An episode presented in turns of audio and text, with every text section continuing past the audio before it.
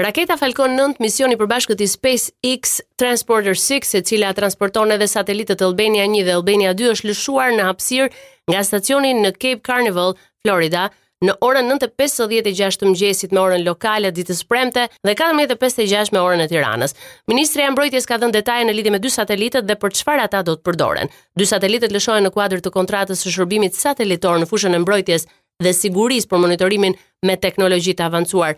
të territorit të Republikës së Shqipërisë nëpërmjet Agjencisë Kombëtare të Mbrojtjes Civile dhe operatorit Satellogic USA Incorporated me vlerën 6 milionë dollarë.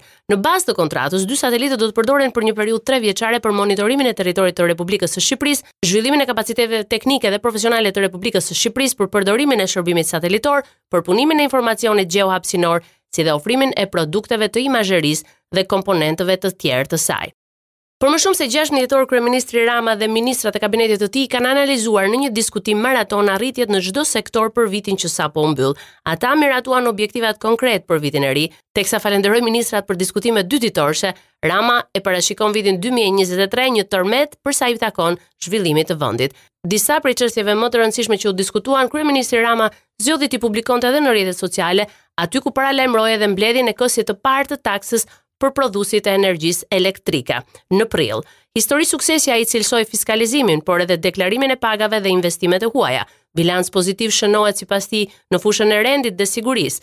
Në 2022-shin është shënuar numri më i ulët i vrasjeve në tre dekadat e fundit. Gjithashtu Rama u duk i kënaqur edhe nga sektori i bujqësisë. 2022-shi jo vetëm pati një rekord absolut të eksporteve bujqësore sipas tij, por dhe realizim të objektivit ambicioz për gjysëm miliard dollarësh në 78 vende të botës. Por ambicia jonë është të kapim 1 miliard dollarë dhe ta bëjmë Shqipërinë në 2030-ën kampione të Ballkanit edhe në eksportet bujqësore.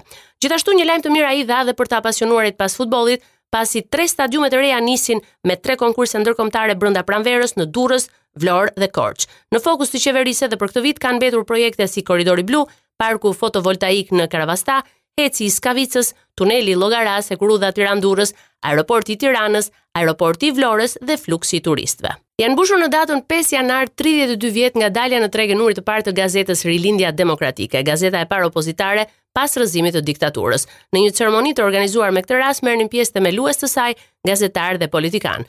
Postimin e bërë në rrjetet sociale kryedemokrati Sali Berisha tha se 5 janari i vitit 91 është për shqiptarët dita e fjalës së lirë.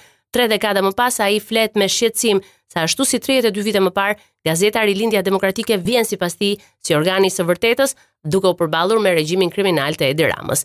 Rilindja Demokratike për Sali Berishën lindi si zëdhënëse e anticensurës, por dhe revolucionit demokratik antikomunist të viteve 90. Ambasada amerikane në Tiranë ka dhënë detaje rreth takimit që ambasadorja Juri Kim zhvilloi me kreun e ri të prokurorisë së posaçme Altin Dumani. Në takimin që zgjati rreth 50 minuta, diplomatja amerikane ripërsëriti qëndrimin për rëndësinë që ka reforma në drejtësi dhe lufta kundër korrupsionit, duke ftuar kreun e ri të SPAK të intensifikojë ndjekjen penale ndaj korrupsionit në nivele të larta. Njoftimi i ambasadës amerikane mbyllet me fjalët: "Ne do të mbështesim plotësisht prokurorët dhe hetuesit e SPAK teksa ndërtojnë mbi sukseset e deritanishme dhe intensifikojnë ndjekjen penale të korrupsionit të nivelit të lartë dhe krimit të organizuar në përputhje me ligjin, pa frikë apo favore. Askush nuk është mbi ligjin." Apeli i GJKKO-së lë në burg ish-ministrin Lefter Koka, i cili kishte kërkuar ndryshim të masës së caktuar më herët ndaj tij nga gjykata e posaçme lidhur me dosjen e inceneratorëve. Kjo ishte një nga shumë kërkesat e depozituara nga ish zyrtari i lartë, i cili me argumentin se ka probleme shëndetësore kërkoi zëvendësim të masës. Për të lënë qelinë më herët, ish ministri ofroi edhe garanci pasurore, por edhe kjo kërkesë u hodh poshtë nga togat e zeza të gjykatës.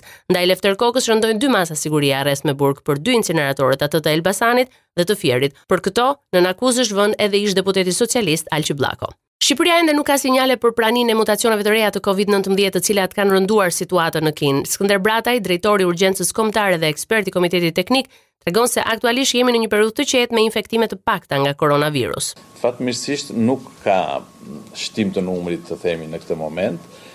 Fatmirësisht imunizimi natyral dhe numri i lartë i vaksinave që u bënë që në fillim që ishin armët më të mira u përdorën, nuk ka një gjë të tillë dhe sigurisht që në qoftë se do të ketë ne e dimë shumë mirë që sekuencimin ne e dërgojmë gjithmonë në Gjermani ose në shtete të tjera.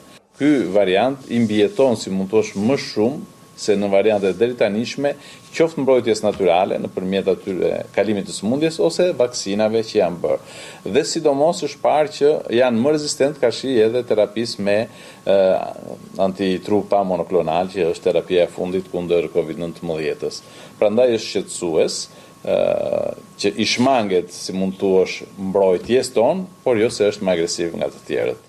Europa ka rikthyer masat anti-Covid për qytetarët që vijnë nga Kina jo vetëm për të konfirmuar pozitivitetin ndaj COVID-19, por edhe variantet e reja që janë në qarkullim. Grifon dhe Cerebrus janë dy mutacionet që kanë gjunjëzuar Kinën, si dhe kanë rritur alertin edhe në Amerikë dhe në Europë. Shqipëria ende nuk ka vendosur kufizime ndaj shtetasve që vijnë nga Kina, por sipas Bratajt situata që ndodh atje nuk do të përsëritet në vendin tonë. Raportoi nga Tirana për Radio SBS Gerta Heta.